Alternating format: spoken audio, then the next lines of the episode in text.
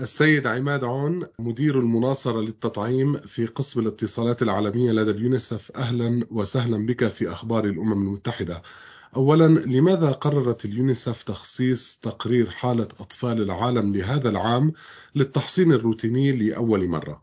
آه، شكرا أستاذ عزت التقرير اللي ذكرته يلي هو حالة أطفال العالم 2023 هو تقرير يونيسف تصدره كل حوالي عامين. وهذا أول مرة بتاريخ يونيسف بيصير في تقرير مختص بالتلقيح واللقاحات للأطفال. السبب الرئيسي هو إنه شفنا من بعد جائحة كوفيد إنه صار في تأثير كبير على عدد الأطفال اللي حصلوا على اللقاحات الأساسية والروتينية حول العالم.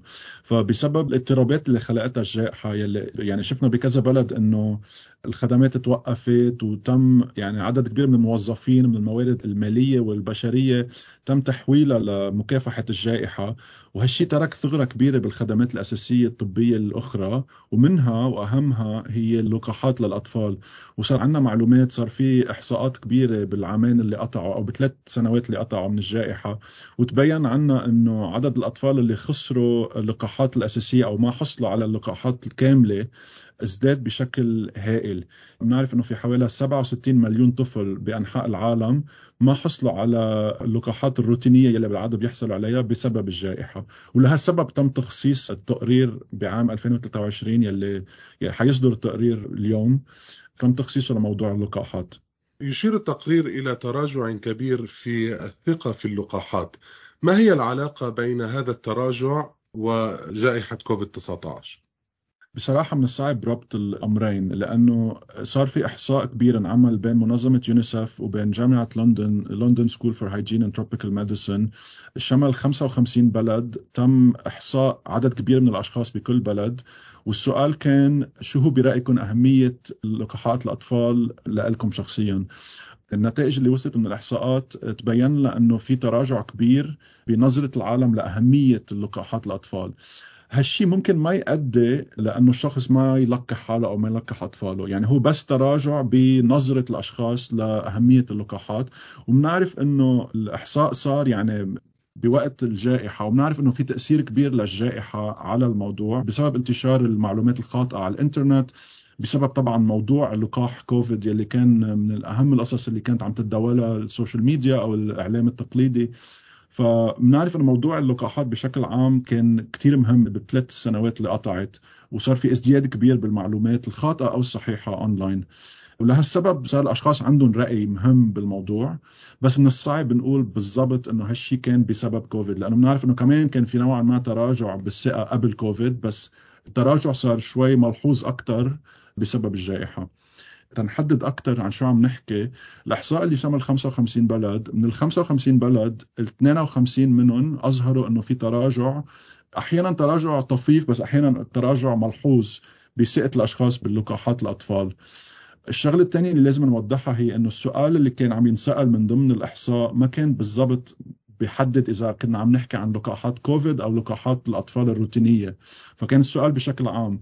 لكن طبعا ممكن نتوقع إنه عدد من الأشخاص كانوا يعني وقت يجاوبوا على السؤال كانوا يمكن عم بيفكروا بلقاحات كوفيد. بس السؤال ما كان محدد. فمشان هيك يعني لازم يتاخذ الموضوع بعين الاعتبار لأنه السؤال كان عام والأجوبة كانت نوعا ما عامة كمان. كما ذكرت هناك معلومات مضللة آه، عبر الإنترنت تنتشر. ماذا تفعل اليونيسف لمكافحة هذا الانطباع لدى الناس؟ أنا بشتغل بيونيسف بالمقر الرئيسي بنيويورك بس طبعا يونيسف عندها مكاتب بكل أنحاء العالم بأكثرية بلدان العالم في مكاتب بالبلدان مكاتب إقليمية كمان.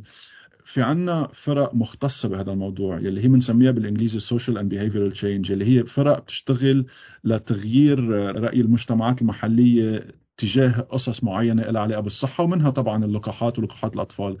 فهدول الأشخاص عادة بيكونوا موجودين بالمجتمعات المحلية عم يشتغلوا مع الأشخاص مباشرة عم يشتغلوا مع أشخاص ذو سلطة أو بيقدروا يغيروا رأي الأشخاص بخصوص اللقاحات أو أي موضوع ثاني له علاقة بالصحة. فبيأمنوا المعلومات الصحيحة بيقدروا يتشاوروا مع الأشخاص اللي عندهم أي أسئلة تجاه اللقاحات الروتينية أو حتى لقاح كوفيد. فممكن يتعاملوا مباشرة مع الأشخاص اللي عندهم أي أسئلة أو ممكن حصلوا على معلومات خاطئة أو معلومات مضللة. يعني هذه الفرق هي الأكثر شيء عم تشتغل على الموضوع وصار في أهمية كبيرة لهالفرق طبعا من بعد الإحصاء اللي صار من بعد المعلومات اللي كان إياها من عام أو عامين إنه في خطر ازدياد كبير بالمعلومات المضللة اونلاين وممكن تأثر على قرارات الأشخاص الشخصية إنه يلقحوا حالهم أو يلقحوا أطفالهم. فهي هيدي الفرق أكثر شيء مختصة بهالموضوع وبتشتغل يعني على مدار الساعة بالمجتمعات لحتى تقدر تحسن شوي نظرة المجتمعات للقاحات وتصحح المعلومات اللي ممكن تكون خاطئة. أستاذ عماد إذا استمر هذا الاتجاه وانتشر ماذا م. يمكن أن يعني للأطفال في كل مكان؟ وللصحة العامة في أنحاء العالم حتى في الدول التي تشهد معدلات قوية للتحصيل. من الصعب طبعا نقدر نحسم شو حيكون نتيجة هالموضوع على المد الطويل. وبنعرف إنه هيك أحصاءات ممكن عادة بتكون متصلة بالظروف الحالية. يعني إحنا طبعا هلأ خارجين من جائحة كوفيد كان في عدة أحاديث عن موضوع اللقاحات. يعني هي شوي مرتبطة بالوضع اللي نحن فيه حاليا. النتائج اللي شفناها مرتبطة بالوضع الحالي. ممكن تتغير بعد عام بعد عامين ممكن يتحسن نظرة المجتمع لقصة اللقاحات لأنه ممكن نبطل نحكي باللقاحات قد ما كنا عم نحكي فيها هلأ بسبب الجائحة. بس إذا ما تحسن الوضع وإذا يعني ضلينا عم نشوف معلومات مضللة معلومات خاطئة أشخاص عم بتقل عندهم الثقة بأهمية اللقاحات الأطفال ممكن هالشيء يؤدي طبعا للأشخاص هن يرفضوا يتلقحوا أو يرفضوا يلقحوا أطفالهم وهيدا مشكلة كبيرة. يعني طبعا نحن نعرف إنه اللقاحات هي تاريخيا ساعدتنا نتخطى مراحل كثير صعبة من الأمراض إن كان شلل الأطفال إن كان الحصبة. وإذا رجعت نظرة الأشخاص تكون سلبية تجاه اللقاحات لدرجة إنه يقرروا ما يلقحوا أطفالهم. ممكن نرجع نشوف ازدياد بعدد الحالات من هالأمراض اللي نوعا ما تخطيناها.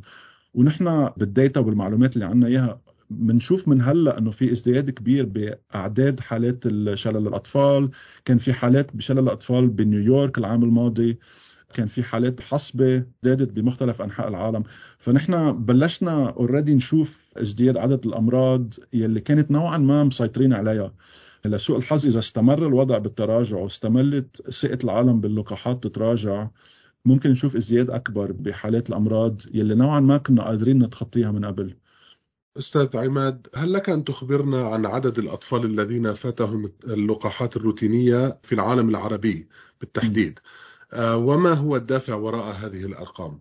الرقم العالمي هو 67 مليون طفل لم يحصلوا على اللقاحات الروتينية بالأعوام الثلاثة اللي قطعت يعني ب 2019 و2002 بالعالم العربي بالضبط يعني بمنطقة الشرق الأوسط وشمال أفريقيا من ال 67 مليون في 3.8 آه، ملايين طفل ما حصلوا على اللقاحات الروتينية الدول اللي أكثر شيء متأثرة بالعالم العربي هي اليمن بالمرتبة الأولى بيرجع من بعدها آه، السورية ومن بعدها العراق.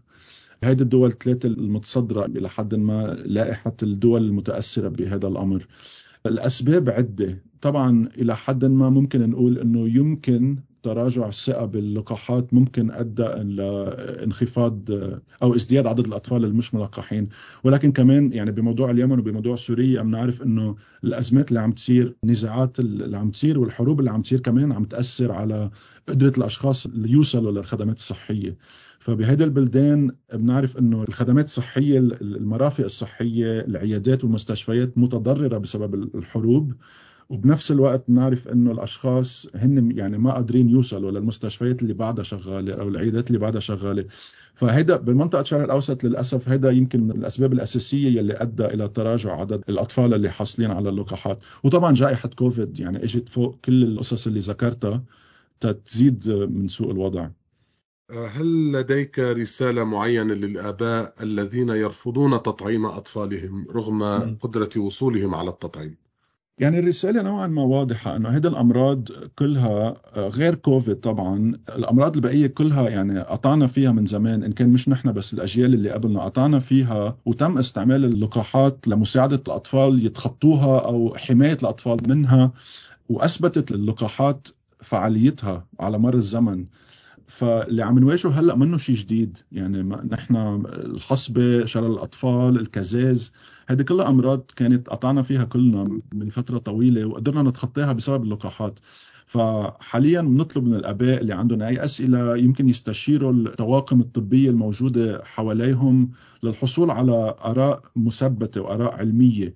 بنشوف كثير في معلومات خاطئة أو مضلله على الإنترنت. يعني بنطلب من الكل إلى حد ما يحطوا أولوية على المعلومات اللي بيحصلوا عليها من الأشخاص المختصين. ونفس الفكرة اللي بدأت فيها إنه نحن ما في شيء جديد هون. يعني هذه الأمراض كلها قطعنا فيها وتخطيناها بسبب اللقاحات. فحاليا عم نرجع نشوف الأمراض بس نحن بنعرف شو لازم نعمل. يعني بنعرف إنه لازم اللقاحات يتم استعمالها لأنه هذا الآلة الوحيدة أو الأهم آلة بنقدر نستعملها لنتخطى الأمراض أو نحمي حالنا من الأمراض. فبظن هيدي الرسالة مهمة إنه هيدي كلها قصص قطعنا فيها وتخطيناها وبنقدر نتخطاها عن جديد. السيد عماد عون مدير المناصرة للتطعيم في قسم الاتصالات العالمية لدى اليونيسف شكرا جزيلا لك على هذا اللقاء.